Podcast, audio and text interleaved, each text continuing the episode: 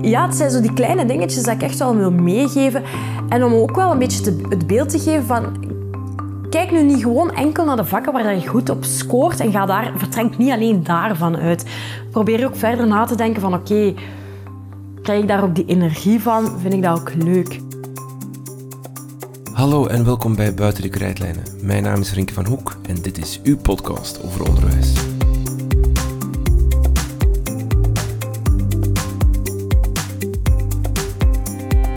Na het zesde middelbaar zijn er verschillende opties. Je kan gaan werken, je kan een jaar op zoek naar jezelf en de wereld in een sabbatjaar, maar je kan ook gaan verder studeren. Hogescholen en universiteiten bieden een ruime waaier aan aan opleidingen die je als kersverse 18-jarige kan aanvatten. Maar hoe maak je daar de juiste keuze in? Daarvoor doen veel scholen aan studiekeuzebegeleiding. Maar hoe geef je dat nu vorm? Hoe begeleid je jongeren bij een studiekeuze naar het hoger onderwijs? We praten erover met Anne Brusselaars van de App Hogeschool. Zij is daar studiecoach, waarvoor ze naar middelbare scholen trekt om daar infosys te geven over studiekeuzebegeleiding. Hoe geef je vorm aan effectieve studiekeuzebegeleiding? Anne Brusselaars vertelt het.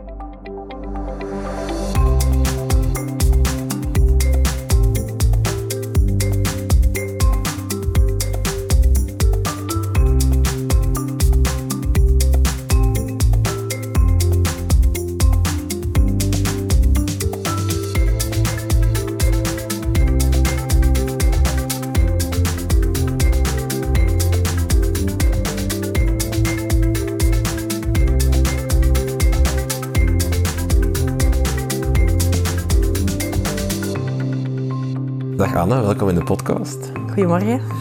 Ik wil misschien eerst even de noodzaak van het thema dat we vandaag gaan behandelen, studiekeuzebegeleiding, duiden of aanraken. Je bent zelf studiecoach bij App Hogeschool. Merk je dat studenten nog vaak de verkeerde studiekeuze maken? Ja, maar wordt er meer een verkeerde studiekeuze gemaakt dan tien jaar geleden? Dat zal ik zeker niet zeggen. Maar we zien wel dat jongeren daar toch wel heel veel moeilijkheden mee hebben. Hè. Ze struggelen over heel veel zaken. Uh, wat zien we ook? Dat ze veel later een studiekeuze gaan maken. Hè. Vroeger maakten ze in maart, april, mei een studiekeuze. Dat is nu echt wel aan het verschuiven naar juli, augustus, september. Dan merken we echt wel dat die studiekeuze dat die later valt. Als we dan puur gaan kijken naar de studenten die dat eigenlijk tijdens hun opleiding veranderen van studie, dan zien we dat dat eigenlijk maar een 6% is. Kan je denken, valt wel mee. Hè? Een zestal procent van alle studenten die gestart zijn aan de hogeschool of de universiteit, die in een eerste jaar of in een tweede jaar of iets later in de studies merken van hm, dit is eigenlijk niet echt helemaal de studie die bij mij past, ik verander van opleiding, dan kan je denken 6%, oké, dat valt nog wel mee. Maar dat is iets dat je eigenlijk verder naar de toekomst ook moet bekijken. Mensen die al werkzaam zijn in een werkveld en dan eigenlijk helemaal een andere branche ingaan. En dan zien we dat dat wel een groot aantal is. Hè. 40% van de mensen zijn werkzaam in een bepaald werkveld waar ze niet voor gestudeerd hebben. Dat kan zijn omdat ze gewoon op zoek zijn naar een nieuwe ervaring. Maar dat kan ook wel zeker zijn omdat ze hebben gemerkt van hm, die studiekeuze die ik tien jaar geleden heb gemaakt is mijn ding eigenlijk niet. Ik ga me terug bijscholen en ik ga eigenlijk ja, iets anders gaan studeren. Uh, of ja, er, ergens anders een nieuwe uitdaging gaan zoeken. Dus het is zeker wel iets dat eigenlijk nog wel heel... Uh, ja, toch wel regelmatig nog voorkomt, die verkeerde studiekeuze. Um, ik mag zelfs over mijn eigen ook spreken. Ik heb ook voor iets gestudeerd. Ik doe ondertussen ook al iets helemaal anders. Uh, en dat zijn trouwens ervaringen die ik ook meeneem in mijn workshops. Hè. Dan vertel ik altijd een beetje mijn eigen, mijn eigen situatie. En dan geef ik mee van, kijk, zo had ik het nu anders gedaan. Zo zou ik het nu doen. Uh, het zijn maar ervaringen die ik kan meegeven aan de studiekiezers en die ze hopelijk mee opnemen om dan uh, zelf wel een goede studiekeuze te maken. Ja. We gaan vandaag proberen om, om wat tips, tricks te verzamelen voor scholen om die studiekeuzebegeleiding vorm te geven. Ook iets wat jij doet, scholen daarin helpen, infosessies gaan geven. Misschien de eerste vraag is eigenlijk heel simpel. Wanneer, moet dus, wanneer start je daarmee als school om een traject op te starten van studiekeuzebegeleiding? Ja, wel, eigenlijk zo'n studiekeuzebegeleiding, eigenlijk moet dat starten in de eerste graad. Hè? Om dan eigenlijk gewoon de jongeren goed te oriënteren naar de tweede graad toe. En in de tweede graad de jongeren goed oriënteren naar de derde graad toe. En als die studiekeuzebegeleiding in de eerste en de tweede graad goed verloopt, dan ga je uiteindelijk in de derde graad uh, eindigen met jongeren die dat in een richting zitten waarin ze hun goed voelen. Mhm. Een richting die al aansluit bij hun talenten, hun interesses, hun kwaliteiten, waardoor dan normaal gezien de studiekeuze naar de hogere graad eigenlijk een vlottere verloop zou moeten hebben.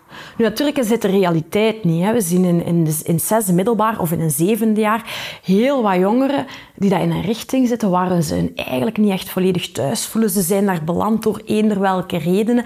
Dus dat is de realiteit, jammer genoeg niet altijd. Hè. Maar dat studiekeuzeproces moet eigenlijk in de eerste graad beginnen. Als we dan gaan kijken naar, oké, wanneer starten we nu echt met die studiekeuzebegeleiding, heel specifiek voor de stap naar het hoger onderwijs, dan moet dat eigenlijk toch wel starten in het vijfde middelbaar. Dat kan laagdrempelig beginnen, maar al eens een beetje de leerlingen mee te geven van wat is nu juist dat hoger onderwijs, wat, wat staat er jullie te wachten. Maar in het vijfde middelbaar is dat toch wel belangrijk. Wij zien soms scholen die pas in het midden van een zesde jaar daaraan starten. Dat is veel te laat. Jonger worden dan te veel overspoeld met te veel informatie en krijg je dan eigenlijk niet voldoende tijd om die informatie te verwerken en er zelf mee aan de slag te gaan. Ja. Um, je zegt in de, in de eerste graad beginnen. Um, wil je dat dan zeggen dat als scholen bijvoorbeeld gaan nadenken over een soort van planning of een traject gaan uitschrijven, dat ze uh, best toch ook die andere studiekeuze die gemaakt worden, in de eerste graad maak je één, je maakt zelfs in het zesde leerjaar één op mhm. zich, je maakt er één in, in, ehm, naar de tweede graad toe ook, dat je die meepakt in je proces, dat je dit ook eens naslegt van hoe pakken we dat aan. Uh, kijk wel eens vooruit naar een, een, een verdere jobkeuze of studiekeuze, loopbaankeuze. Ja, het is niet zo dat ze in de eerste graad moeten bezig zijn met wat ze in het hoger willen gaan studeren. Dat lijkt een grote stap. Maar uh, ik was zo onlangs op een school en wat deden die? En dat is bijvoorbeeld een heel mooi voorbeeld hoe je daarmee aan de slag kan gaan. In de tweede graad, ze lieten de leerlingen in de tweede graad, ik zal maar zeggen, een mini-sit-inbeurs organiseren. Wat deden ze dus? Uh, ze lieten de leerlingen van de tweede graad allemaal een standje organiseren waarin dat ze een eigen richting voorstellen. Dus een standje met leerlingen van humane wetenschappen, een standje met leerlingen van elektromechanica, ik zeg maar iets. En dan mochten de leerlingen van de eerste graad daar op bezoek gaan bij al die standjes en hun vragen gaan stellen. Um, en dat is veel laagdrempeliger voor die leerlingen, omdat ze dat dan eigenlijk aan medeleerlingen vragen gaan stellen. En niet aan een leerkracht die eens een promopraatje gaat doen of eens gaat vertellen hoe een richting eruit ziet. Dus dat is van die kleine initiatieven dat je kan doen in de eerste en tweede graad. Het is heel belangrijk dat leerlingen weten wat de mogelijkheden zijn. En ook weer dan, als je zo een mini-sit-in-beurs organiseert, uh, durf misschien ook richtingen uitnodigen die niet op jouw school aanwezig zijn. Ik geef een voorbeeld. Als jij een school, een school hebt waar er alleen maar uh, doorstroom en dubbele finaliteit bijvoorbeeld zit, wel kijk eens naar de scholen in de omgeving die dat ook richtingen uit de arbeidsfinaliteit hebben en nodig daar eens een leerkracht of een paar leerlingen van uit. Dat werd op die school effectief gedaan en vond ik super mooi. Dat die eigenlijk konden samenwerken met scholen uit de omgeving. Maar op die manier geef je je leerlingen een ruim beeld van wat de alle mogelijkheden zijn. En gaat voor hun misschien ook de stap minder groot worden als er eventueel in een schoolcarrière ze moeten veranderen van school. Uh, wat deden die ook nog? Zij lieten leerlingen uit de eerste graad echt eens een paar lessen gaan meevolgen bij bepaalde vakken in de tweede graad. Uh, niet met twintig leerlingen mee in de klas van tweede, uh, derde middelbaar, maar een vijftal leerlingen die graag zeiden van ik wil graag eens van dat vak techniek gaan proeven. Oké, die stapten in. En het zijn zo, denk ik, die kleine dingetjes, dat eigenlijk ook wel een beetje die studieloopbaanbegeleiding al is, die dat je wel kan integreren in de eerste graad en ook in de tweede graad. Hè. Ehm, ja, die dat scholen toch kunnen proberen en zo hopelijk die oriëntatie bij de jongeren wel een beetje kunnen verder helpen. Mm. Als we even shiften naar dat specifiek traject mm. voor echte keuze naar, naar hoger onderwijs toe. Begin in het vijfde middelbaar. Als, als grote reden van, je moet het spreiden. Je moet, je moet zien dat, dat, dat het niet allemaal opgepropt zit op enkele maanden of enkele weken soms. Nee, dat is heel belangrijk. Hè. Een ander voorbeeld, ik kwam op een school het was met supergoede bedoelingen en ze hadden het eigenlijk heel mooi voorzien. En die hadden een week uitgewerkt rond studiekeuze. Dus dat was in een zes jaar en die hadden één week volgepropt rond allerlei studiekeuzeprojecten. En het zat mooi in, want er was een heel mooi aanbod. Ze, hadden een workshop over hoe maak ik een studiekeuze, een algemene infosessie over uh, hoe ziet het hoger onderwijs eruit, mensen die kwamen spreken. Uh, ze gingen ook naar de sit-inbeurs. Maar alles in die één week tijd. En dat is veel te veel. Die jongeren die horen zaken. Uh, ze krijgen geen tijd om het te verwerken. En de dag nadien moeten ze dan naar de sit-in-beurs waar ze allerlei opleidingen moeten gaan bezoeken. Dat is veel te veel. Het is heel belangrijk dat die spreiding aanwezig is. Wij zeggen ook echt, uh, pak er een agenda bij, een planning, een grote kalender van het vijf en het zesde middelbaar en vul al je activiteiten eens in die je wilt doen met je leerlingen. En eigenlijk moet je zien dat in elk blokje wel een activiteit voorkomt. Wat bedoel ik met elk blokje? Tussen september en de herfstvakantie. Tussen de herfstvakantie en de kerstvakantie. Zo in die blokken zou er altijd wel eens een taak moeten... Uh, aanwezig zijn. Dat moet niet altijd iets heel groots zijn. Hè. Dat kan een campusbezoek zijn, wat een, een dag of een halve dag in één um, allez, tijd in beslag neemt. Maar dat kan ook gewoon eens een uurtje online testen rond talenten bijvoorbeeld invullen zijn. Maar dat ze daarmee bezig zijn. Dat wanneer dat leerlingen bijvoorbeeld een infosessie krijgen over het hoger onderwijs, van wat is het verschil tussen een graduaat en een bacheloropleiding, dat ze thuiskomen, daar kunnen over nadenken, eventueel zelf eens iets gaan opzoeken en dat ze dan een maand later bijvoorbeeld op campusbezoek gaan naar een hogeschool of naar een universiteit Waar dat ze dan zoiets hebben van, ah ja, oké, ik heb gehoord dat die graduaatsopleiding dat, dat zoiets is. Ja, en dat is misschien wel iets dat bij mij aansluit. Oké, daar kan ik mij dan nu op focussen tijdens dat campusbezoek. Dus geven echt die tijd om die informatie die ze krijgen en die een beetje te laten doorcijpelen en daar uh, mee aan de slag te gaan. Om dat allemaal in één week te steken, dat is te veel. Veel te veel informatie is allemaal nieuw. Het hoger onderwijs is allemaal nieuw, allemaal nieuwe richtingen. Een volledige nieuwe structuur, dat is veel voor die jongeren. En dan moeten ze ook nog eens gewoon met een eigen keuze bezig zijn. Dus geef die mannen de tijd. Je kunt er vanaf het vijfde aan starten, waardoor je twee jaar de tijd hebt. Dan hoeft dat niet in één mooie, prachtige projectweek rond studiekeuze gepropt worden eigenlijk vaak worden die, die, dagen of die op het moment ook georganiseerd rond zo'n sit-in-beurs dan, waar ze kunnen gaan kijken naar die verschillende richtingen. Is dat nog iets dat werkt? Is dat, is dat een goed idee om daaraan deel te nemen als, als ja. school? Ik vind zelf een sit-in-beurs dat dat persoonlijk heel nuttig kan zijn, maar het is heel belangrijk dat de leerlingen daar worden op voorbereid. Als ik terugdenk aan mezelf, tien jaar geleden ben ik ook naar de sit-in-beurs geweest. En ik weet dat ik aan een, school, uh, aan een hogeschool stond die in West-Vlaanderen ligt. En ik was daar van alle vragen aan het stellen. En kreeg er heel wat uitleg over opleidingen. En op het einde, uh, in het gesprek kwam naar boven dat die school in West-Vlaanderen lag. En ik dacht, West-Vlaanderen, wat ga ik in West-Vlaanderen gaan zoeken? Ik wil helemaal niet naar een hogeschool in West-Vlaanderen. Voor mij de andere kant van België, met wijze van spreken. Om maar te weten hoe onwetend ik was. Uh, ik wist totaal niet wat voor een hogeschool eigenlijk ik stond. Dus op die manier, ja eh, is de sit-in-beurs misschien iets minder nuttig. Maar als je de leerlingen er goed op voorbereidt, is dat zeer nuttig. Wat is zo sterk aan de sit-in-beurs?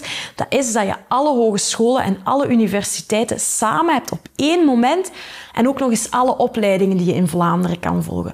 Wanneer jongeren naar een open deurdag gaan of naar een campusbezoek, heb je eigenlijk al een selectie gemaakt van één hogeschool of één universiteit en al een selectie gemaakt op je opleidingen. Want niet alle opleidingen worden op een hogeschool gegeven. Dus je selecteert daardoor al heel wat uh, instellingen en opleidingen. Op een sit-in-beurs heb je die mogelijkheid, als je heel erg twijfelt van ja, ga ik studeren in Gent of in Antwerpen, of heel erg twijfelt tussen uiteenlopende opleidingen, is dat moment waarop je die opleiding allemaal op één dag zelf kan bezoeken. Dus dat is een mooi voordeel.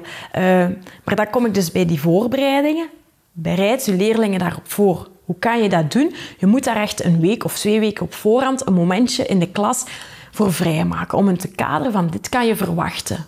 Oké jongeren, ga nu eens kijken welke opleidingen jullie heel erg interesseren. En bekijk eens op welke hogeschool of universiteiten die worden gegeven. Maak daar een lijstje van. Maak geen lijstje van tien opleidingen. Hè. Ze krijgen ongeveer een uur de tijd om daar rond te lopen, of twee uur de tijd. Tien opleidingen is te veel, maar maak een top drie, een top vier van opleidingen. Van oké, die wil ik nu echt heel graag zien. En noteer daarbij aan welke hogeschool of universiteit die worden gegeven. Zo weten ze gericht waar ze moeten gaan zoeken. En vervolgens maak gericht een vragenlijstje uh, klaar. En dan ook weer dat vragenlijstje. Vaak zien we scholen die er gewoon een grote vragenlijst meegeven. En mannen, zorg dat je tegen het einde van de sit-in-beurs alle vragen hebt opgelost. Ook weer dit, dat is niet de manier. Hè. Elke leerling heeft specifieke noden en specifieke vragen. De ene leerling vindt het bijvoorbeeld belangrijk dat een opleiding dat er heel veel praktijk in voorkomt. De andere leerling wil heel graag heel veel opzoekwerk en onderzoek kunnen doen in een opleiding. Wel, laat een specifiek zelf een vier tot vijftal vragen, dat moet ook geen lijst van twintig vragen zijn, maar een vier tot vijftal vragen opstellen waarmee dat zij dan eigenlijk hun opleidingen kunnen afgaan. Deze jaar stond ik zelf ook op de sit-inbeurs en er kwam een leerling heel enthousiast naar mij toe en zei, ja mevrouw, mevrouw, hoe lang is deze stand? Ik zeg, hoe lang is deze stand? Uh, geen idee, 30 meter, 40 meter? Ik zeg, waarom moet je dat weten? Ja, dat is een opdracht voor onze leerkracht. En toen dacht ik, oei, als dit de opdracht is die jullie krijgen voor op een sit-inbeurs, dan moet je misschien niet naar de sit-inbeurs komen en het nuttig thuis allez, op school invullen. Uh, ik denk dat die leerkracht dat misschien heel goed bedoelde van ik moet mijn leer leerlingen een taak meegeven, want dat is een klas die anders toch maar gewoon de boel op stelte gaat zetten. Maar ja, dan is dat niet goed. Allee, dat, dat is niet de bedoeling van een sit-inbeurs. En dan, om terug naar je vraag te komen, is een sit-inbeurs een meerwaarde? Als je het zo gaat invullen, is het natuurlijk geen meerwaarde. Maar als je je leerlingen er goed op voorbereidt, kan het zeker en vast wel een meerwaarde zijn. Ze mogen het is zoals naar de winkel gaan zonder boodschappenlijstje. Dat kan ook plezant zijn, maar dat is heel overweldigend. En dan kan je ook gewoon in de gang staan en denken: ik heb geen idee wat ik eigenlijk wil. Nee. Maar als je voorhand nagedacht hebt van die vijf dingen heb ik nodig, of wil ik te weten komen dan op zo'n site, mm dan kunnen ze daar heel gericht naartoe gaan. En dan, dan... Inderdaad, het is een mooie vergelijking met het boodschappenlijstje. maar het is inderdaad wel zo, ja. Um, je zei net al, een traject van twee jaar, scholen kunnen een aantal dingen doen. De vraag is nu, wat kunnen ze doen? Naar een sit-inbeurs gaan, dat is al één daarvan, denk ik. Maar wat zijn nog activiteiten die scholen eigenlijk kunnen ondernemen om studiekeuzebegeleiding vorm te geven? Ja, er zijn heel veel activiteiten. Hè? Um, en een, een, school is daar op zich vrij in om die activiteiten zelf in te vullen. Dus ik kan er, kan er hier een heel deel opsommen. Moeten ze die allemaal doen? Nee, zeker niet. Dat is hun eigen keuze. Maar we kunnen maar ideeën meegeven. Um, een algemene infosessie bijvoorbeeld, over het hoger onderwijs. Ah, wel, is dat dat is eigenlijk iets dat ik dan zou zeggen van, probeer dat toch zeker wel te doen. Ja. Een algemene infosessie, daar bedoel ik dan mee, een infosessie waarin de leerlingen informatie krijgen over wat is nu eigenlijk juist het hoger onderwijs. Uh, dat gaat over wat zijn de verschillen tussen een academische bachelor, een professionele bachelor, wat zijn studiepunten, hoeveel kost het verder studeren. Er zijn ook weer wat leerlingen die het misschien zelf moeten betalen. Uh, dus die algemene informatie moet eigenlijk elke leerling meekrijgen. En dan zeggen we ook echt wel van, begin daarmee. Doe dat op het einde van een vijfde jaar of begin van een zesde jaar. Leerlingen moeten eerst goed geïnformeerd worden over wat zijn de mogelijkheden, wat is het verschil tussen bijvoorbeeld ook een academische en een professionele bachelor. Eerst dat ze gaan opzoeken op het internet welke opleidingen dat er zijn. Als ze niet weten wat de verschillen zijn tussen bepaalde opleidingen, waar moet je dan beginnen zoeken? Dus echt wel die uitleg, die informatie moeten ze eerst meekrijgen. En dan zeggen wij ook vaak, ja, laat dat misschien... Laat die infosessie iemand brengen dat een ervaringsdeskundige is. Wat bedoel ik daarmee? Iemand van een hogeschool of een universiteit zelf. De structuur van het hoger onderwijs verandert voortdurend. Als het is niet dat er voortdurend verschillen zijn tussen professionele en academische bachelors. Maar elk jaar opnieuw komen er wel nieuwe regeltjes bij. Of voor die opleiding heb je opeens een starttoets. Nu is het weer zoiets als in de lerarenopleiding. Moet je nu een starttoets doen? Zo zijn er elk jaar opnieuw wel weer nieuwe zaken die naar boven komen. Dus laat iemand dat van het hoger onderwijs brengen. Ik doe dat onder andere ook en ik doe dat met heel veel plezier en heel veel passie. Ehm, en zo heb je op elke hogeschool en universiteit wel mensen die dat heel graag komen geven. Ga daarop in. Dat zijn de mensen die in het werkveld staan en die jullie er het best voor kunnen eh, verder helpen. En misschien ook een pluspuntje het ontlast ook de leerkracht. Het is een taak dat de leerkracht niet op zich moet nemen. Hè. Ze hebben heel veel werk op de dag van vandaag, dat weten we allemaal. Er komt heel veel bij kijken, heel veel extra bij kijken. Dus voilà, dat is een aanbod dat hogescholen en universiteiten heel graag willen geven, om die infosessie zelf te komen geven. Ga daarop in en geniet er gewoon van. Ga er als leerkracht bij zitten. Want ook voor leerkrachten is het vaak heel veel nieuwe informatie. Uh, er zijn leerkrachten die zeker een opleiding hebben gevolgd nu in het nieuwe systeem nog, maar heel wat leerkrachten zijn misschien twintig jaar geleden al afgestudeerd en zag het er helemaal anders uit. Dus voor, ook voor hun is dat altijd veel nieuw en complexer dan vroeger misschien. Dus laat het iemand brengen uh, die erin werkt. En ga gewoon zelf mooi de infosessie meevolgen, zou ik zeggen. Is het niet vaak te veel informatie voor één infosessie? Want het is, het is, het is een heel complex systeem, het hoger onderwijs. Hè? Vooral ook omdat het eigenlijk helemaal verschilt van hoe het, het, het, leerplichtonderwijs werkt. Het is compleet anders, van mhm. organisatie naar vakken, naar studiepunten, banabas, alle masters, al, al die termen. Het is helemaal nieuw. Ik, ik, ben aan het denken, ik, ik heb ook zo'n infosessie gekregen toen ik in het zesde middelbaar had, maar ik weet niet gewoon niet meer of ik overweldigd was of niet door het aantal. Maar zijn er dingen wat je kan doen als school om, daar, om daarmee om te gaan? Met, met, de, het is met een overvloed aan informatie die je op, op, een, op een namiddag krijgt? Het is inderdaad veel informatie. En dan het eerste punt dat je al kan doen is een beetje wat ik er juist heb verteld van die spreiding. Zorg daarom dat ze niet alles op één week krijgen. Maar inderdaad, als ze gewoon die algemene info infosessie gaan krijgen, ja, dan, dan geef je inderdaad wel alles in één keer op een uurtje of op twee uurtjes mee. En dan kan herhaling wel belangrijk zijn. Hè? Uh, laat het eerst iemand brengen van een hogeschool of een universiteit zelf. En kom daar een paar weken later nog eens op terug van mannen, weten jullie nog, hè, hoe zit dit of hoe zat dat? En dat gaat ook wel stilletjes al gewoon bij andere activiteiten naar boven komen. Hè. Als zij eens naar een sit-in-beurs gaan en ze gaan eens luisteren bij een universiteit en daarna eens luisteren bij een hogeschool, dan horen ze ook wel weer de verschillen van, ah ja, hier professionele bachelor, academische bachelor. Dus die herhaling is belangrijk. Um, wij zelf, als wij die infosessie gaan geven, uh, wij zijn mijn team aan, aan collega's uh, die die infosessies voorzien. En wij werken daarvoor ook samen met collega's van KDG en Universiteit Antwerpen. Uh, wij zitten zelf, dat noemt een study chat team. Hè. Dat zijn...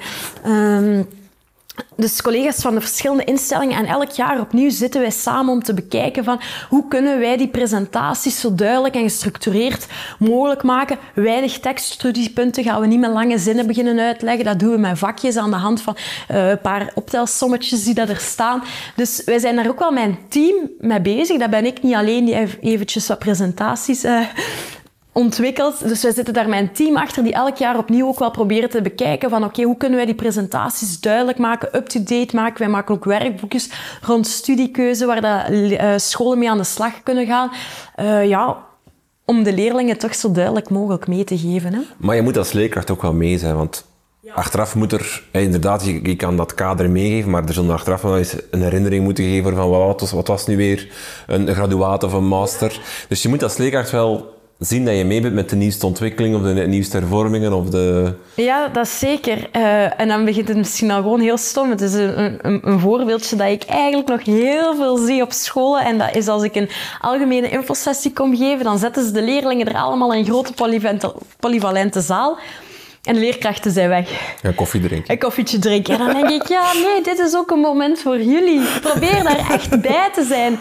Net zoals dat wij ook workshops geven rond studiekeuze. Dat gaat dan iets minder over die studiepunten, maar echt gericht over wat wil ik nu als studiekeuze. Ook weer daar. Dan, dan beginnen ze toetsen te verbeteren achteraan in de klas. En dan denk ik, nee, dit is ook een moment voor jullie. Ze denken misschien dat ze soms alles weten. En er zullen zeker leerkrachten zijn die helemaal mee zijn met het systeem. Hè. Uh, maar ja, gebruik dit niet als tijd voor toetsen te verbeteren, maar gebruik dit echt als tijd om zelf ook gewoon mee te zijn met de jongeren. Het geeft ook trouwens ook een, een helemaal ander beeld als je als leerkracht een beetje meedoet met de workshop. En je gaat zelf bij de jongeren langs van, heb de vragen, zijn mee? Wat wilde je eigenlijk gaan studeren? Heb je al een idee wat je wilt gaan studeren? Dan dat je achteraan in de klas toetsen gaat verbeteren. We zien het toch heel veel. Heel veel, jammer genoeg. Um, een ander belangrijk aspect is dat, dat, dat die jongeren zichzelf leren kennen. Dat ze ontdekken wat ze willen, wat, ze, wat ze, ja, hun talenten, hun interesses zijn, wat hun eigenschappen zijn. Dat je daar activiteiten rond organiseert, neem ik aan. Dat mhm. dat een belangrijke is. Welke kan je dan doen? Of wat is daar... Ja, dat is een beetje een moeilijke. Hè? Uh, jongeren rond 16, 17 jaar zitten vaak gewoon al een beetje in een moeilijke periode. Sommigen zijn al juist de puberteit, maar sommigen zijn ook nog wel heel zoekende naar wie ben ik nu eigenlijk mhm. als persoon. Dus dat is heel moeilijk. En er zijn ook jongeren, als ik uh, workshops geef en ik, ik vraag aan de jongeren van wat zijn nu eigenlijk jullie interesses? Dan krijg ik echt nog heel vaak het antwoord van ik weet het eigenlijk niet. Ik vind alles wel wat interessant. Ik vind sport interessant, maar talen ook. En ja, chemie vind ik eigenlijk ook wel interessant. Dus jongeren zijn, hebben daar echt moeilijkheden mee. En, en dan zijn er een paar zaken die dat je kan proberen. Hè. Uh, online zijn er gewoon al wat testen. Testen op onderwijskiezer heb je een goede test die je eens kan afleggen, uh, waar dat je dan naar de resultaten kan kijken. Je beantwoordt heel wat vraagjes en dan komen, komen er mooie resultaten uit die jou al een beetje richting een interessedomein bijvoorbeeld sturen. Nu, ik zeg altijd, die testen, dat is, allee, dat is niet exact. Hè. Ga daar niet van uit als er bovenaan staat, jij moet iets met wetenschappen gaan doen, dat dat ook moet. Maar ik geef wel altijd mee, als jij als leerling heel zoekende bent en eigenlijk totaal geen idee hebt van wat zijn nu mijn talenten en interesses, kan dat wel een eerste stap zijn om dat gewoon al eens te doen. Om zo eens een test af te leggen en eens te kijken naar de resultaten. En misschien komen daar wel wat ideeën uit. Ik zeg altijd wel ook, dat zijn testen, die resultaten, daar moet je over zelfreflectie over doen. Bekijk die resultaten en denk daarover na. Kunnen je daarin vinden of totaal niet? Ga daar niet gewoon vanuit, oké, dat zal het dan zijn. Ik moet iets met wetenschappen gaan doen, want het zal helemaal van boven als resultaat. Nee. Um, daarnaast is het ook belangrijk, uh, zeg ik altijd tegen de jongeren, doe eens rondvragen in je omgeving. Wat vinden uw ouders van u? Of uw vrienden? Misschien dat sommigen zeggen, oh nee, mijn ouders ga ik dat niet aan vragen, want die duwen mij meteen in een bepaald gangetje. Uh, dan moet je dat niet doen, maar vraag dat zeker aan uw omgeving, omdat jongeren zijn vaak niet altijd bewust van bepaalde goede eigenschappen die dat ze hebben. Uh, ik geef bijvoorbeeld een, een, voorbeeldje. Het kan misschien zijn dat als de examens eraan komen, jij als eerste al een hele mooie planning hebt opgemaakt. Maar op maandag studeer ik twee uur voor dat vak. Uh, en dan s'avonds nog een paar uur voor dat vak. Dat al twee weken op voorhand klaar is. En als je eens aan je omgeving gaat vragen van oké, welke eigenschap vinden jullie dat nu bij mij past? Je ouders zeggen van ja, maar jij bent keiplanmatig. Want kijk, hè, zie eens nu hoe een mooi examen voor jezelf hebt gemaakt. Zeg ik, dat zijn eigenschappen die je ook moet meenemen. Uh, dat zijn eigenschappen die in bepaalde opleidingen zeker van pas kunnen komen. je moet eigenlijk geef ik ook altijd mee aan jongeren. Je moet eigenlijk een profiel voor jezelf kunnen opstellen. Ik noem dat altijd een profiel. En dan zeg ik, je moet echt gewoon een wit blad nemen, van boven een grote titel profiel schrijven en daar allemaal woorden op schrijven waar je aan denkt. Van talenten, interesses en eigenschappen. En op het einde van de rit moet je proberen kijken waar de overlap zit tussen die talenten en interesses. Probeer ook altijd mee te geven van bij talenten denken vaak als ik vraag van ja, wat is jouw talent? Dan gaan ze met wijze van spreken op een rapport kijken en kijken naar waar, op welk vak dat ze de beste punten hebben. Ah ja, hier op Nederlands scoor ik goed. Oké, Nederlands, dat is een talent. En dan stel ik altijd de vraag, oké, ja, dat is iets dat je goed kan. Maar doe je dat ook graag? En dat is een heel groot verschil. Het is niet omdat je op Nederlands heel goede punten haalt, dat je dat ook heel graag doet. Krijg je energie van om thuis een opstel te schrijven. Vinden dat leuk om de dt-foutjes van je vrienden en vrienden op te merken en uh, op de vingers te wijzen? Of is dat gewoon iets waar je wel goede aanleg voor hebt, maar uh, mis, allez, misschien niet per se heel graag doet? Is het woordje talent dan een beetje overrated in heel dit, dit, dit gesprek? Dat inderdaad talent iets kan zijn dat je inderdaad goed kan, maar misschien inderdaad helemaal niet graag doet. Of dat, dat, eh, ik denk dat soms ook jongeren verlamt het woordje talent, omdat het dan, dan denken ze heel vaak aan iemand die heel goed kan turnen. Of iemand die... Zo, zo extremen van, van wat we als talent omschrijven, wat we zien in de media. Iemand die getalenteerd... Iemand die heel goed kan zingen, bijvoorbeeld. Zo, heel vaak ook creatieve dingen waar dat ze aan denken. En niet aan Jij bent een supergoeie planner. Of jij bent een hele goede uh, uh, opruimer. Allee, ja, ja nee, nee, het is, zo. het is zo. En dat probeer ik ook zeker mee te geven. Van, denk gewoon eens aan kleine dingen. Hm. Wat doe je thuis als je van school komt? welke activiteiten doe je thuis zonder dat je voortdurend op je klok zit te kijken? Met wat zijn je bezig? ik, ben, ik was iemand die vroeger heel veel energie kon krijgen en in de uren kon bezig zijn met mijn kamer te herinrichten. Uh, dat zijn ook zo dingen, dat zijn activiteiten waar ik mee kon bezig zijn zonder dat ik zat af te tellen van, mag ik nu stoppen? Dus ja, het zijn zo die kleine dingetjes dat ik echt wel wil meegeven. En om ook wel een beetje te, het beeld te geven van... Kijk nu niet gewoon enkel naar de vakken waar je goed op scoort en ga daar, vertrek niet alleen daarvan uit. Probeer ook verder na te denken van, oké, krijg ik daar ook die energie van? Vind ik dat ook leuk? Um, en wat dan bij die talenten en die interesses en die eigenschap ook wel komt kijken en een belangrijke rol is voor leerkrachten, maar ook, ook ouders eigenlijk, zijn zo wat die coachinggesprekken. Gewoon gesprekken. Gesprekken waarbij dat je eigenlijk um, gaat doorvragen. Wat bedoel ik daarmee? Um, organiseer eens twee of drie keer op een jaar individueel met leerlingen een gesprek. Laat hen die gesprekken ook voorbereiden. Hè. Geef hen op voorhand een reflectiedocument of zo mee, waarbij dat ze dat gesprek kunnen voorbereiden. Um, maar bespreek dan eens van, oké, okay, ja... Um, even opnieuw beginnen. Goed, mijn coachinggesprekken, daar ja. was ik gekomen. Voorbereiden, ze moeten ze voorbereiden Eh, en dan dat doorvragen. Maar dat is wel een, een, een, Dat is complexe, vind ik zelf ook. Want wij doen ook gesprekken met onze leerlingen voor dan in, de eerste graad. Mhm.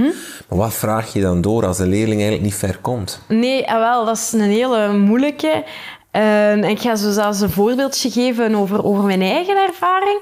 Toen ik een studiekeuze moest maken, ehm, ging ik studeren onder andere voor leerkracht biologie. Ik heb gekozen voor biologie omdat ik alles interessant vond dat met de mens te maken had. Dus dat het menselijk lichaam in elkaar, uh, wat zijn ziektes, hoe kunnen dat genezen. Dus ik startte aan die opleiding. Ik startte aan die opleiding en al snel had ik door, hmm, maar een derde van die opleiding hier gaat over de mens.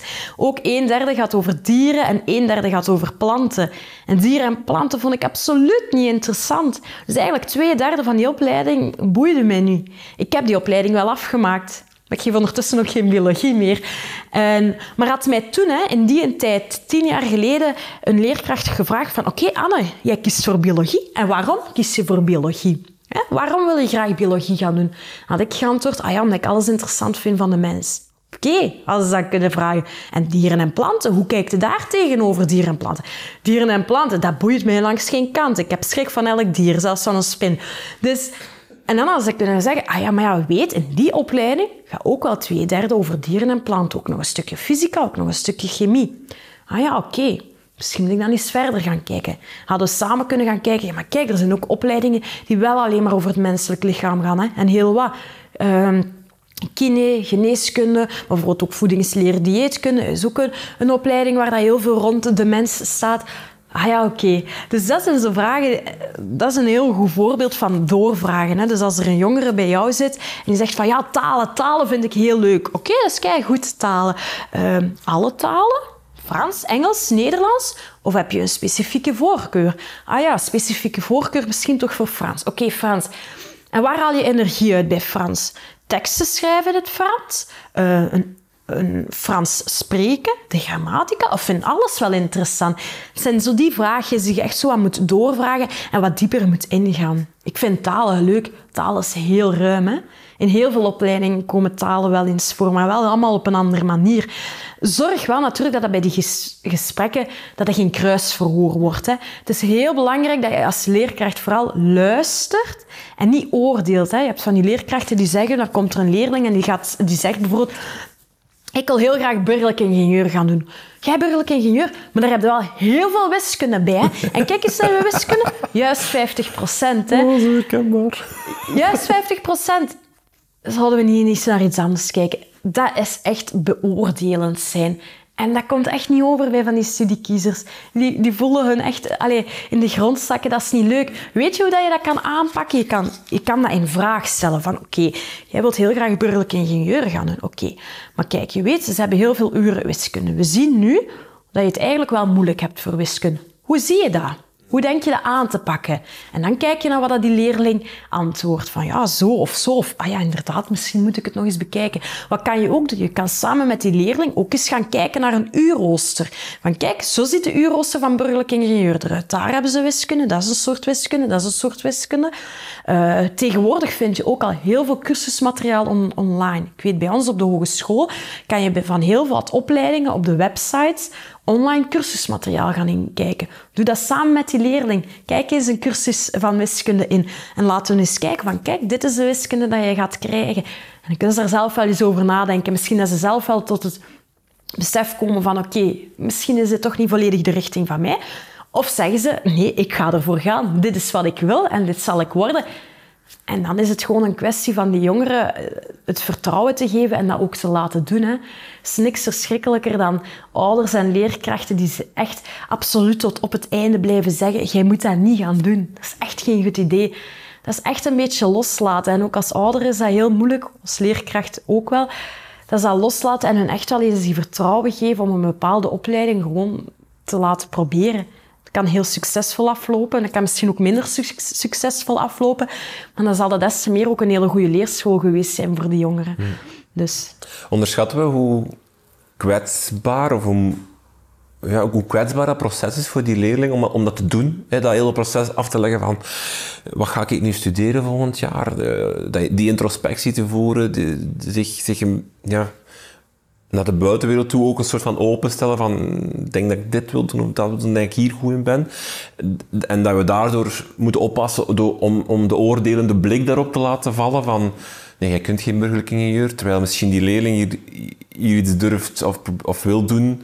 Van... Ja, dat is heel individueel van leerling tot leerling. Hè. Er zijn leerlingen en, en, die doen gewoon wat ze willen doen. Die trekken hem van niks aan. Er zijn leerlingen die gewoon al van in derde leerjaar weten dat ze uh, leerkracht zullen worden. En er zijn ook leerlingen die heel gevoelig zijn aan inderdaad wel uh, de feedback of, of, de commentaar dat ze kregen vanuit hun omgeving.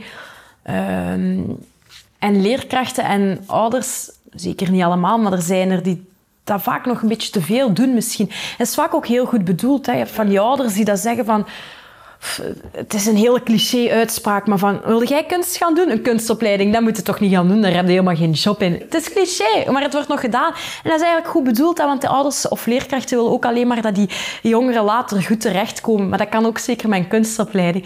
Um, dus ja, dat wordt zeker nog wel gedaan. En jongeren zijn daar heel kunnen daar heel gevoelig aan zijn. Aan zo van die goed bedoelde uitspraken. Hè. Gaan jongeren een gevoel krijgen van... Ik heb het gevoel dat ik hier zelf niet een keuze mag maken. Of ik heb schrik om te falen. Hè. Mijn ouders raden het af om uh, bijvoorbeeld communicatie te gaan studeren. Ze raden het af, maar ik wil het toch doen. Wat als het nu toch niet lukt? Ze durven het op de dure stap niet meer zeggen, want als het niet lukt, ja, dan ben ik gefaald. En kijk, mijn ouders hadden het gezegd. Dus die goed bedoelde uitspraken, die hebben toch wel echt wel een gevolg op jongeren. Of toch zeker tot een bepaalde groep jongeren. Juist die jongeren die vaak ook wel onzeker zijn, uh, gaan daardoor wel... Ja, mijn gevoel zitten van, ik mag niet falen, ik mag precies mijn eigen keuze niet maken. En dat is een gevoel dat we ten alle moeten vermijden, natuurlijk. Je hebt ook jongeren die, die het gevoel hebben dat ze moeten kiezen uh, en niet dat ze mogen kiezen of dat ze willen kiezen. Ja. Dat ze van, ja, ik moet hier nu iets kiezen. Ik heb dat ook, wij hebben dat ook al, ik zie dat ook, of ik merk dat ook heel vaak al in, in tweede middelbaar, als wij daarover spreken. Ja. Daar, dat is, daar is het nog meer moeten. Hè. Ja, er zijn ook nog jongeren, dus dat begrijpen ze het ook nog minder. Maar ja. hoe draai je die moeten om naar willen? Ah, wel, dat is het eigenlijk waar ik mijn workshops ook altijd mee begin. Ik zeg, jullie moeten hier allemaal niet zitten. Hè. Je moet hier willen zitten. Een studiekeuze, dat is iets dat je niet moet omdat dat moet eigenlijk iets zijn dat, dat leuk is. Hè. Ik probeer je dat gewoon mee te geven. Hè. Een beetje een andere uh, gedachtegang mee te geven van kijk, een studiekeuze, jij moet dat niet. Dat is iets dat je wilt, omdat dat is iets dat jouw toekomst vorm gaat geven. Jullie zijn nu op een moment in jullie leven dat jullie zelf volledig een keuze gaan mogen maken. Dat mag iets helemaal anders zijn dan dat je in het middelbaar hebt gedaan. Maar nu op dit moment krijgen jullie die kans om volledig zelf een keuze te maken. Een keuze die jullie verdere toekomst gaat bepalen. Dus zie dat als een leuk proces proces dat jouw toekomst vorm gaat geven. En ik probeer dat gewoon zo een beetje mee te geven met die woorden. En hopelijk denken ze daar thuis eens goed over na en zien ze in van oké, ik moet dat niet. Eigenlijk is dat leuk. Ik krijg hier eens de kans in mijn leven om zelf iets te bepalen over hoe mijn toekomst er gaat uitzien. Um, is geen keuze dan ook een keuze? En, en moet je daar als, als omgeving, als leerkracht, als, als, als ouders soms ook rekening mee houden, dat dat op zich ook de Je bedoelt met geen keuze als in ik wil niet verder studeren? Of ik neem een sabbatjaar. Of ik neem een of, sabbatjaar. Ja, uiteraard. Hè. Dat is ook een keuze. Hè. En ook weer, dat komt in de workshops naar boven. Er zijn vaak, er zit zeker altijd eens een jongere tussen die zegt van ik weet eigenlijk niet of ik wil gaan verder studeren. En ook dat is een keuze. En heel dat studiekeuzeproces dat wij dan in het vijfde en zesde middelbaar doorlopen, is voor die jongeren, dat is, dat is niet verloren. Hè? En er wordt ook heel veel zaken gedaan die gewoon nuttig kunnen zijn voor hun verdere leven. Hè. Dat nadenken over talenten, interesses, eigenschappen. Dat kan ook interessant zijn voor als ze later gewoon een job gaan zoeken voor op een cv of zo. Dus ik zeg dan ook altijd van kijk, vandaag hebben wij een workshop rond studiekeuze. Als jij beslist om niet te verder studeren, laat dit geen verloren workshop zijn. Er komen heel veel zaken naar boven die jou gewoon laten nadenken over jouzelf als persoon. En als jij beslist om niet verder te gaan studeren of een sabbatjaar te nemen, dan is dat ook een keuze. Dan is dat een goede keuze, dat is jouw keuze. En dan is dat ook vooral een keuze dat de leerkrachten en ouders moeten aanvaarden. Net zoals dat sommige jongeren een studiekeuze gaan maken waar dat ze misschien ook niet helemaal achter staan. Een andere activiteit die je uh, doorgaf of voort is een oud-leerlingenavond. Uh, ik dacht dat die alleen maar was voor de afgestudeerden, maar je kan daar ook eigenlijk je, je zesde en vijfdejaars bij betrekken. Ja, Ehm, inderdaad, een oud-leerlingenavond houdt dat dan eigenlijk juist in dat eigenlijk leerlingen die afgestudeerd zijn vanuit het middelbare, maar dus in het hoger of de universiteit zitten, dat die eigenlijk uh, terug naar de secundaire school komen, hun cursussen, hun boeken meenemen vanuit een opleiding en eigenlijk een beetje informatie komen geven aan de vijfde, zesdejaars over hun richting. En uit navraag bij jongeren merken wij dat dat een van de meest zinvolle activiteiten voor hen is omdat het is veel laagdrempeliger voor 16, 17-jarigen om hun vragen te stellen aan leeftijdsgenoten of, of jongeren die twee, drie jaar ouder zijn, dan aan lectoren, docenten op zo'n sit-in-bus die er stijf... die staan er niet allemaal even stijf, hè, maar uh, die er met een hemdje staan en vaak soms misschien ook wel een beetje te veel promopraat gaan doen. Um, dus dat is echt iets dat werkt. Zeer laagdrempelig voor die jongeren van het vijfde, zesde middelbaar. En ook de realiteit die studenten dan van de hogeschool of universiteit die dan komen praten op zo'n oud-leerlingenavond, die gaan eerlijker zijn. Die gaan zeggen van, kijk, wij hebben Frans en dat Frans dat is voor mij eigenlijk wel een, een struikelblok. Dat is moeilijk, maar goede motivatie, ik ga er wel komen. Eh, of die gaan zeggen van, kijk, die stage, die stage is echt geweldig. Daar heb ik helemaal in kunnen opleven. Dus ja, zeer zinvol. Ik zou het echt aanraden aan school om het te organiseren. Ehm, er kan soms nog wel wat stress zijn bij leerlingen over die studiekeuze. Er was recent ook een, een opiniestuk van Dirk van Damme of, of uh, onderzoek dat aantoonde van ja, leerlingen hebben eigenlijk heel veel stress, een beetje verlammende stress soms zelfs rond die studiekeuze. Ze voelen, het voelt voor hen aan als een soort van de belangrijkste keuze uit mijn leven, van do or die, van ik moet hier nu juist kiezen om gelanceerd te zijn voor de rest van, van het leven. Is dat één een terechte stress of een, of een logische stress? En twee, wat kan je, hoe, kan je ermee omgaan? Om nu te zeggen dat een studiekeuze dat dat geen belangrijke keuze is, dat ga ik zeker niet zeggen. Dat is een, zeker wel een belangrijke keuze. Uh, het geeft zeker een beetje vorm naar je toekomst. Kies je nu iets voor economie, is de kans groot dat je later op de arbeidsmarkt in de economische branche gaat, uh, gaat werken.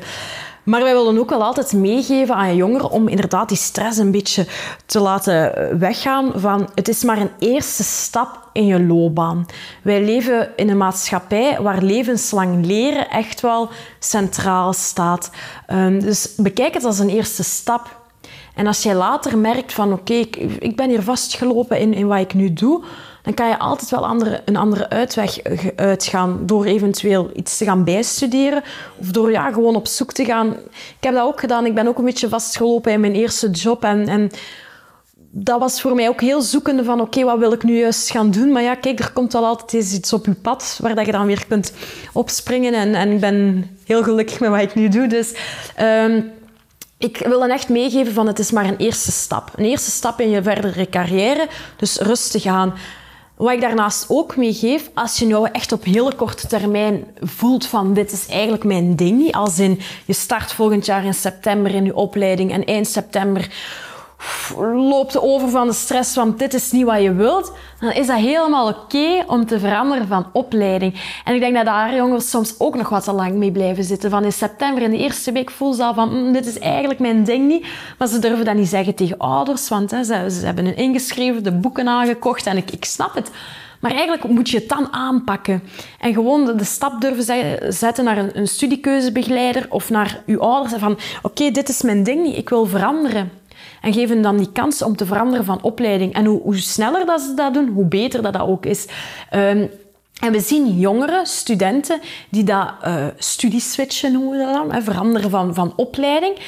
Dat die een tweede keuze, dat die daar vaak, dat die een slaagkansen echt wel goed zijn. Omdat die eerste foute keuze, eigenlijk mag ik het geen foute keuze noemen, want er bestaan geen foute keuzes. Het is altijd wel een leerschool geweest. Maar die eerste opleiding, dat niet helemaal een ding was. Ze hebben daaruit geleerd. Waarom is die opleiding niet mijn ding? Wat lag me juist niet? En wat wil ik nu juist wel naar boven zien komen in mijn nieuwe opleiding? Dus dat is een leerschool dat ze hebben... Uh, ja, dat ze eigenlijk hebben... Do doorma doormaakt, ja. Uh, ze maken opnieuw een tweede keuze. Ze beginnen daar met veel goede energie aan, met goede motivatie. En die slaagkansen zijn altijd wel eigenlijk heel goed. Om maar gewoon mee te geven van blijf daar niet mee zitten als je merkt dat in het begin van het jaar dat dat jouw ding niet is. Pak dat aan. Ja, die, die, um, dat was ook wat Dirk van Damme zei in zijn opiniestuk daarover. Van ja, jongeren moeten eigenlijk geen stress daarover hebben, want we leven in een maatschappij van levenslang mhm. leren. en dat is ook wel zo. Er zijn nog nooit zoveel mogelijkheden geweest om te blijven studeren, ook tijdens als je al een loopbaan hebt, als je Ja. al aan het werk bent. Uh, je hebt ook allemaal uh, structuren waarin je kan stoppen met werken en kan verder studeren en financieel ondersteund wordt en dergelijke. Er zijn allemaal mogelijkheden toe. Anderzijds is het studiepuntensysteem iets wat, wat jongeren daar een beetje belemmert. Het feit dat het met dat zakje punten is, je geeft altijd punten af. Als je het niet afmaakt, krijg je de punten niet terug. Allee, zo'n dingen. Is dat iets wat, wat je merkt van dat jongeren soms op, op blokkeren? Van oei, maar ik heb maar 180 of wat is het? Ik denk 180 punten? Nee? Ja, ja inderdaad. Ja. Ehm, ja, dat studiepuntensysteem...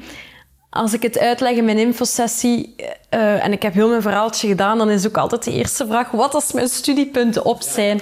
En dan zeg ik altijd: oh, geen stress. Die studiepunten die raken echt niet zomaar op. Tegen dat die studiepunten op zijn, dan heb je al drie jaar, al, drie jaar achtereen. Uh, het volledig jaar afgemaakt en eigenlijk alles ja, gebuist. Voor, ja, voortdurend aan buizen geweest, serieus feestvarken uitgangen. En denk ik heel weinig achter de boeken gezeten om het even uh, zo mee te geven. Jongeren die dat eens in hun eerste jaar veranderen van, van opleiding, die moeten geen stress hebben rond die studiepunten. Dat systeem dat is echt wel zo gemaakt dat je eens kan veranderen van, van studiekeuze. Dat is ook niet falen, hè. Dat is gewoon nog op zoek zijn naar jezelf en nog niet helemaal hebben gevonden wat perfect bij jou past. Dus dat is ook helemaal oké. Daar moeten ze geen stress van hebben als ze in hun eerste jaar of zelfs in hun tweede jaar veranderen van studiekeuze. Maar dan wil ik wel meegeven, als je in september, oktober dat aanvoelt van het is mijn ding niet, verander dan wel vlug. Want als je in september, oktober verandert van studiekeuze, krijg je wel al je studiepunten nog terug. Dus ben je er sowieso geen kwijt. Dus, en halverwege krijg je nog de, de helft terug? Ja, de, inderdaad. zoiets? Als je dan in het midden van het jaar uh, verandert, uh, dan krijg je nog de helft terug. En ja, tot op het ja. einde van het jaar ben je ze wel kwijt. Tenzij dat je natuurlijk examens hebt afgelegd waar je voor je geslaagd Ja, bent. hè? Dan krijg je die studiepunten uiteraard wel terug. Um, ja, geen stress daar rond. Komt wel goed. Misschien nog uh, een, een. Het is al een paar gevallen, maar ouders. Hè. Ouderbetrokkenheid. Um, een heel traject. Wanneer, of hoe belangrijk is dat ouders betrokken zijn bij dat traject? En, en hoe kan je ze betrekken? Ja, heel belangrijk. En dat is denk ik iets dat misschien nog in het algemeen te weinig aanwezig is op scholen. Er zijn uiteraard scholen die daar uh, wel een mooi uitgewerkt plan rond hebben, maar nog zeer weinig. En dat is die ouderbetrokkenheid. En dan bedoel ik gewoon al... Dat kan heel laagdrempelig beginnen met gewoon geef in het begin van het vijfde jaar en in het begin van het zesde jaar die ouders een planning mee met alle activiteiten die de jongeren gaan doen rond studiekeuze. Dat ouders dat weten. Ah, kijk, nu in januari gaan ze naar de sit-in-beurs. Ah, kijk, voilà. In, in uh, april gaan ze op bezoek op een universiteit of op een hogeschool. Gewoon een planning meegeven van wanneer alle activiteiten vallen. En er kunnen ook activiteiten op staan als... Ah, kijk, daar is dan open deurdag in Antwerpen bij alle hogescholen en universiteiten. Zodat ouders dat zien en dan kunnen zien van... Ah, kijk, nu deze zaterdag is het open deurdag. Gaan we daar eens een keer naar kijken. En het is die planning die ook, denk ik, heel belangrijk is bij de ouders die misschien uh, moeilijker tot aan de school te, te krijgen zijn. Hè. Uh, dat ze op zijn minst thuis die planning toch al krijgen, laagdrempelig, waar dat ze eventueel met de jongeren zelf dan naar kunnen kijken. Uh, die ouderbetrokkenheid, dus dat is één, die planning. Anderzijds, wat ook echt moet gegeven worden, wordt vaak gedaan, maar niet altijd, is die algemene infosessie over het hoger onderwijs. Ook zij moeten dat complex ook systeem... zij moeten dat krijgen. Dat is echt heel belangrijk. De ouders die komen, ik denk allemaal nog wel ongeveer, uit een ander systeem nog. Uit een andere structuur van hoger onderwijs. Zorg dat zij mee zijn. Hoe weten ze anders waar ze over moeten praten als ze niet weten wat een graduaat is of, of, een bachelor is? Dus organiseer zo'n infosessie. Uh, maar het organiseren is één. Zorg ook dat de communicatie goed loopt. Ik, uh, afgelopen schooljaar kwam ik op een school. Uh, een school met zeventigtal leerlingen in zes jaar. ASO en TSO was dat. Um, en op de infoavond voor de ouders zaten zeven ouders. En ik dacht, ja... En het is een school um, waarbij, denk ik, 90% allemaal wel... Uh, zonder migratieachtergronden, dus eigenlijk wel betrokken ouders zijn, ik zal het zo zeggen. En dacht ik, ja, wat is er hier gebeurd? Wel, de ouders hadden twee dagen van tevoren een melding via Smart School gekregen. En dat was het. Terwijl dat ik al wist, een jaar geleden, dat ik daar een infosessie moest gaan geven. Dus ze hadden dat perfect in het begin van het jaar al kunnen meegeven. Dus die communicatie is heel belangrijk. Ja. ja. Um, soms hebben ouders een ander idee dan het kind. De, de, de, de papa wil dat het burgerlijk ingenieur wordt, terwijl de, de zoon wil, ik ga het, het meest cliché voorbeeld, wil tekenaar worden ja, of ja. zoiets. Hè. Uh, hoe ga je daarmee om? Als school of als leerkracht, als, Ja. als begeleider in dat proces dan? Ja. Uh, enerzijds, het kunnen misschien, misschien zitten de ouders echt wel met bedenkingen van, omdat ze oprecht denken van dat is een opleiding die gewoon echt niet bij, de leerling past. Hè. En dan is het een beetje het gedeelte zoals ik er straks vertelde van ga gewoon in, in gesprek van hoe zie je dat? Kijk, hè, dat die vaktalen. Hè. Hoe zie je die talen? Hè? Je scoort daar niet zo heel goed in. Dus, dus dat is enerzijds gewoon een gesprek. Anderzijds, als de leerling toch vastbesloten is om een opleiding te gaan doen uh, die de ouders niet voor ogen hebben, ja, het is soms heel moeilijk, maar echt geven die kans. En dat is echt loslaten. Maar het zijn 17, 18 jaar of ouder. Je moet hen gewoon die kans geven. En ik, heb, ik vertel ook elke keer opnieuw een, een verhaal. Dat was van een leeftijdsgenoot die dus ook uh, bij mij afstudeerde. En uh, die kwam uit wetenschappen wiskunde. Um, die wou eigenlijk eerst, zijn papa was ook dokter en hij wou eigenlijk zelf eerst ook geneeskunde gaan studeren. Maar uh, ja, jammer genoeg was hij niet geslaagd op zijn ingangsexamen, dus hij ging biomedische doen. Ja, klonk logisch, hè, past mooi op wetenschappen wiskunde een beetje overlappend nog wel met die geneeskunde. Dus ja, hij ging biomedische doen. Maar eigenlijk in zijn eerste jaar, hij liep vast, liep vast op zijn eigen. Hij merkte, dit is helemaal niet mijn ding. Dit, is niet wat ik wil doen. Tweede semester zat hij ook meer op café dan dat hij iets anders ging doen. Was ook, alleen, tweede semester op alles gebuist. Uh, en toen heeft hij gezegd van oké, ik ga ermee stoppen met biomedische en ik ga nu eens echt doen wat ik zelf wil. En ik ga kunstgeschiedenis studeren. En hij vertelde dat thuis en hij zag aan de gezichten van zijn ouders van oeh, dit staat me niet aan. En hij zei nog tegen zijn mama van... Uh, ik zie dat je teleurgesteld bent. En zijn mama zei letterlijk van... Ik ben niet teleurgesteld in jou, maar ik ben wel teleurgesteld in je keuze. Uh, maar ja, goed, zijn al. Hij is toch kunstgeschiedenis gaan studeren. Maar ja, met wat voor een gevoel vertrek je dan thuis? Hè? Als je gaat inschrijven, dat is natuurlijk minder leuk dan je ouders zeggen... Ja, kijk, goed, kom, we starten eraan. Ja. Maar goed, op het einde van de rit is hij met grote onderscheiding afgestudeerd en heeft hij nu een heel succesvolle job. En zijn ouders zijn heel trots op hem. Tuurlijk. Dus om maar mee te geven van probeer, allez, gun het echt jullie, jullie kinderen, geef hen de kans om eens te doen wat ze willen. En misschien dat niet elk verhaal zo mooi afloopt als het verhaal dat ik nu net heb verteld. Um, maar dan zal dat ook wel weer een leerschool geweest zijn voor die jongeren. Hm. En dan zullen ze daar ook wel weer hebben uitgeleerd. En zullen ze daarna hopelijk wel een goede stap doen in uh, een studiekeuze. Soms hebben leerkrachten ook een ander idee dan de leerling. Hè? Wat je daarnet al vertelde, van maar burgeringenieur met 50% op wiskunde of Jij, uh, ik weet niet wat voor, van, wat voor opleiding, dat komt niet goed. Hè? Ja, Zo, Dat soort van uh, uitspraken, maar ook gewoon de vibe die sommige leerkrachten uitsturen. Um, is dat iets wat op zich kan, dat je dat als leerkracht voelt? Van, ja, maar die leerling moet echt geen, geen natuurwetenschappen gaan studeren of geen, uh, geen dokter gaan doen, want die, die, die, kan, die studeert eigenlijk helemaal niet graag. Of, of. Weet je, leerkrachten hebben een zeer belangrijke rol in een studiekeuzeproces. En hun rol is vooral een goede begeleider zijn. En uiteraard mogen zij hun bedenkingen meegeven. Ik denk dat dat een deel van hun rol ook is. Uh, leerkrachten, zeker in zo'n zesde jaar, die hebben soms die leerlingen al ook in het vijfde middelbaar. Zij kennen die al jaren aan een stuk, of, toch, of toch al zeker een jaar aan een stuk. Zij zien die groeien en evalueren. Dus ze hebben ook al een duidelijk beeld van wat sommige jongeren kunnen of, of minder goed kunnen. Dus een rol als begeleider is zeker belangrijk en zij mogen die leerlingen zeker wel wat sturen, denk ik. Maar het is heel belangrijk de manier waarop dat, dat wordt gedaan. Als in, uh, jij moet geen journalistiek gaan doen, want daar heb je Frans en jij bent ramp in Frans. Dat is geen goede, geen goede manier. Uh, doe dat op een begeleidende manier. Eigenlijk zoals ik er juist ook vertelde, van kijk eens samen aan een cursus en kijk eens van kijk, hè, dat is dat Frans. Hoe zie je dat? Hè, hoe zie je dat? Denk je dat dat gaat lukken? Want kijk, dit is hoe dat jij nu scoort voor Frans. Dus doe dat echt op een begeleidende rol en stel vooral dingen in vraag naar de leerlingen toe. Hoe zie je dat? Kijk, zo ziet de cursus van Frans bij journalistiek eruit. Hoe zie je dat? Dus stel allemaal in vraag. Als het op het einde van de rit nog altijd de, de leerling beslist om dan journalistiek te gaan studeren, ja, oké, dan is dat zijn eigen keus geweest. Um, maar de verwoording is soms heel belangrijk. Dat is zoals dat ze op klasraden ook meegeven, een, een, een, een mening van... Ja, dat ik, ik, ik heb een plein van mijn middelbare school, weet ik nog, dat ik... Uh, uh, ja, advies wordt dat ook maar eigenlijk is dat een soort van ja, het woordje advies, maar eigenlijk zijn oordeel over... Ik, ik, had toen twee of drie keuzes, waarvan de ene was geschiedenis gaan studeren aan de UNIF, en dat vonden ze niet goed. Leerkracht gaan studeren vonden ze wel goed. Ja.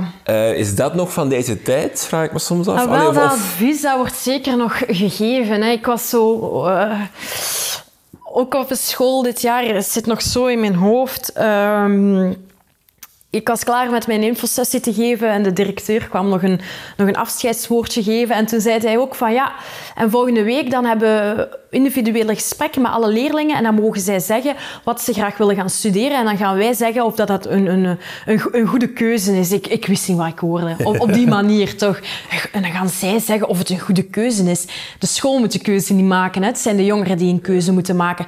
Maar uiteraard mag een advies gegeven worden. Want soms hebben jongeren niet echt een heel goed beeld ook niet van een opleiding. En, en, fantaseren ze maar van, ja, ik wil heel graag dat worden, maar is dat ook misschien niet altijd realistisch. Hè? Je moet ook gewoon rekening houden met je voorkennis. Hè? Uh, dat is normaal dat, dat, een leerling dat uit verzorging komt uh, en die gaat opeens... Uh, leerkracht wiskunde studeren, ja, dat kan moeilijk worden. Dus je mag hem wel een realistisch beeld geven. Maar het is een manier waarop. En dan in de eerste plaats dan hoop ik dat ze dat advies dat ze op rapporten schrijven, dat ze in de eerste plaats al mondeling toelichten. En niet gewoon het rapportje op de bank smijten en dat ze dat eerst zwart op wit moeten uh, lezen vooraleer het wordt toegelicht. En daarnaast is het vooral heel belangrijk om dat advies te schrijven vanuit de kwaliteiten van de jongeren. Wat ze dus eigenlijk wel kunnen en wat wel een goede keuze is om te gaan studeren. En uh, nu heel toevallig zat ik uh, dit weekend bij vrienden en uh, een van die vriendinnen die heeft een zoon en die gaat naar de tweede graad. En die gaat elektrotechnieken studeren. de opleiding die hij wou, hè, die hij voor ogen had. Maar hij kreeg dus nu op het einde van het jaar zijn rapport en daar stond op BA-test, clausulering voor die en die en die vakken. En ehm, die mama zei ook, ik vond dat zo hard hoe dat erop stond. Hij mocht wel elektrotechnieken gaan studeren, dus op zich was er geen probleem. Maar als, ze daar nu eens op, als daar nu eens op stond van, u bent geslaagd, u mag naar het volgende jaar gaan en u mag kiezen uit deze opleidingen. Zo, ja, Dus op die manier. En ik weet, dat is het, dat is het onderwijssysteem. Hè. Er worden A-testen, B-testen, C-testen uitgedeeld, dus ik weet het wel. Maar ze zei dat zo en ik dacht, ja, eigenlijk dat is een helemaal andere insteek en dat komt zoveel positieve over van, u mag naar, het, naar, het, naar de tweede graad gaan en u mag kiezen hè, uit die opleiding of uit, die interessegebieden. Dus ik denk dat vooral de manier waarop dat, dat advies wordt gegeven, dat dat belangrijk is, dat dat zeker kan, maar probeer echt vanuit die kwaliteiten te vertrekken, wat dat, zij, wat dat leerkrachten misschien zien. Wij, wij zien dat je een groot talent hebt uit wetenschappen, probeer een van de richtingen uit wetenschappen en vermijd om echt letterlijk te zeggen van geschiedenis, dat moet je niet doen. Het is, het is toch niet hun keuze, hè? het is jouw keuze. Jij moet het gaan studeren, niet de leerkrachten.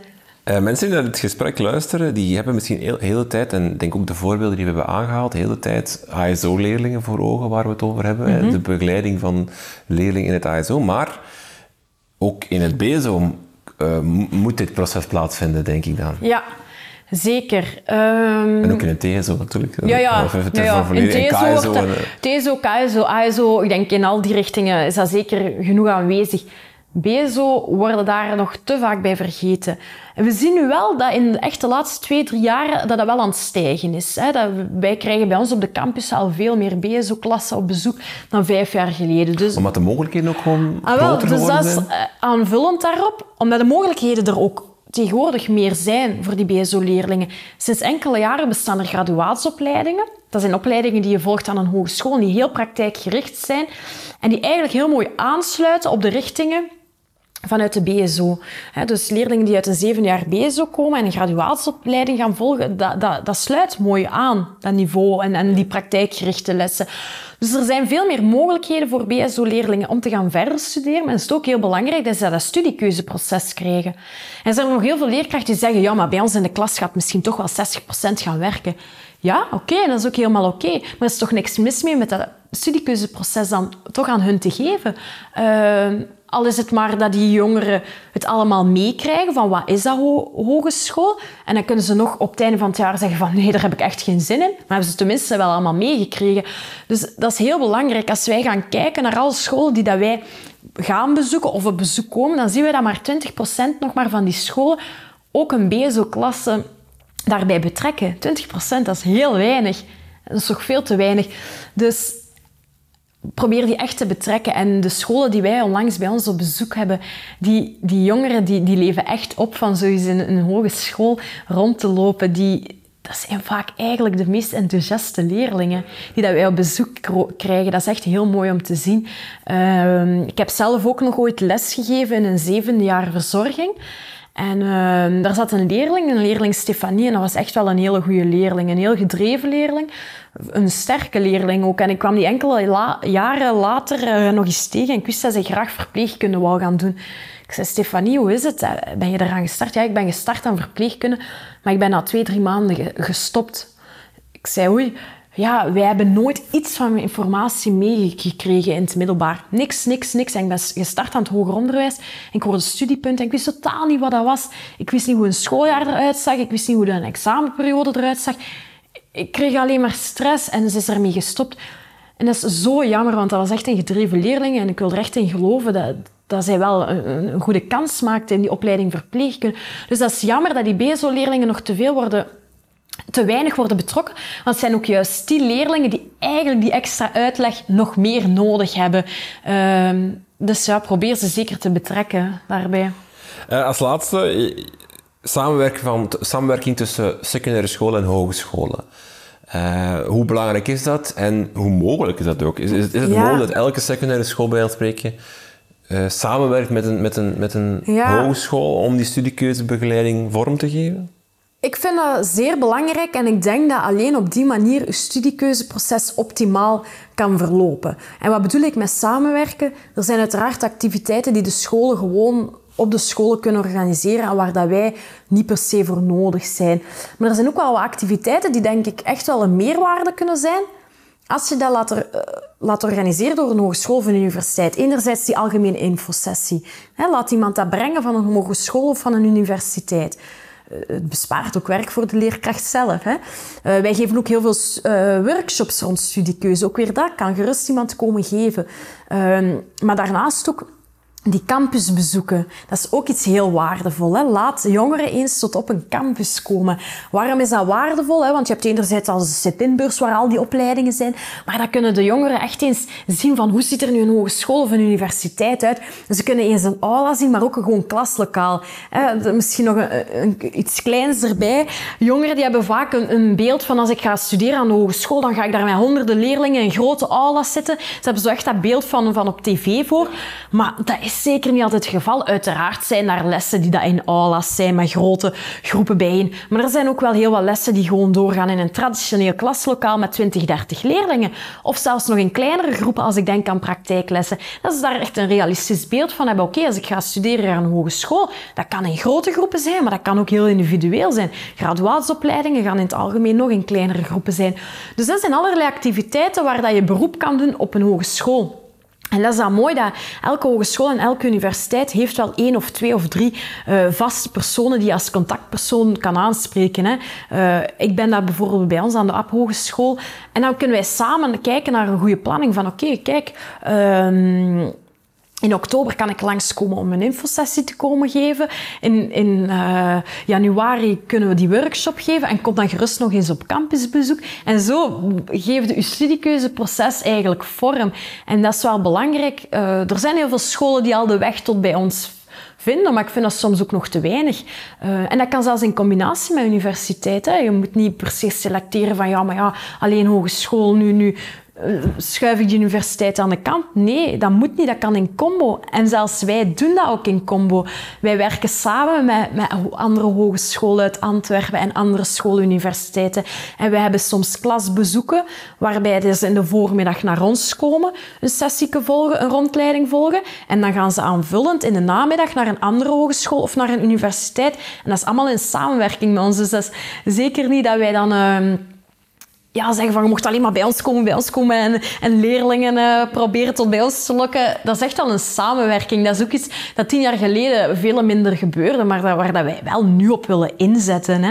Het is uiteindelijk het doel, of toch zeker mijn doel, dat jongeren gelukkig zijn in hun studiekeuze. En als dat dan is aan een hogeschool bij de, de collega's, dan is dat voor mij even goed als ik ze maar eens heb kunnen ontvangen en een beetje wegwijs heb kunnen maken in heel dat hogeschoolleven.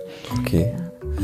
Dankjewel voor dit gesprek. Ik zet, uh, ik zet de contactgegevens van, uh, van jou in onze show notes voor de scholen die, uh, die op bezoek willen komen ja, of die jou okay. als, voor een algemene infosessie willen, willen vragen. Anne, heel veel dank voor het gesprek. Graag gedaan.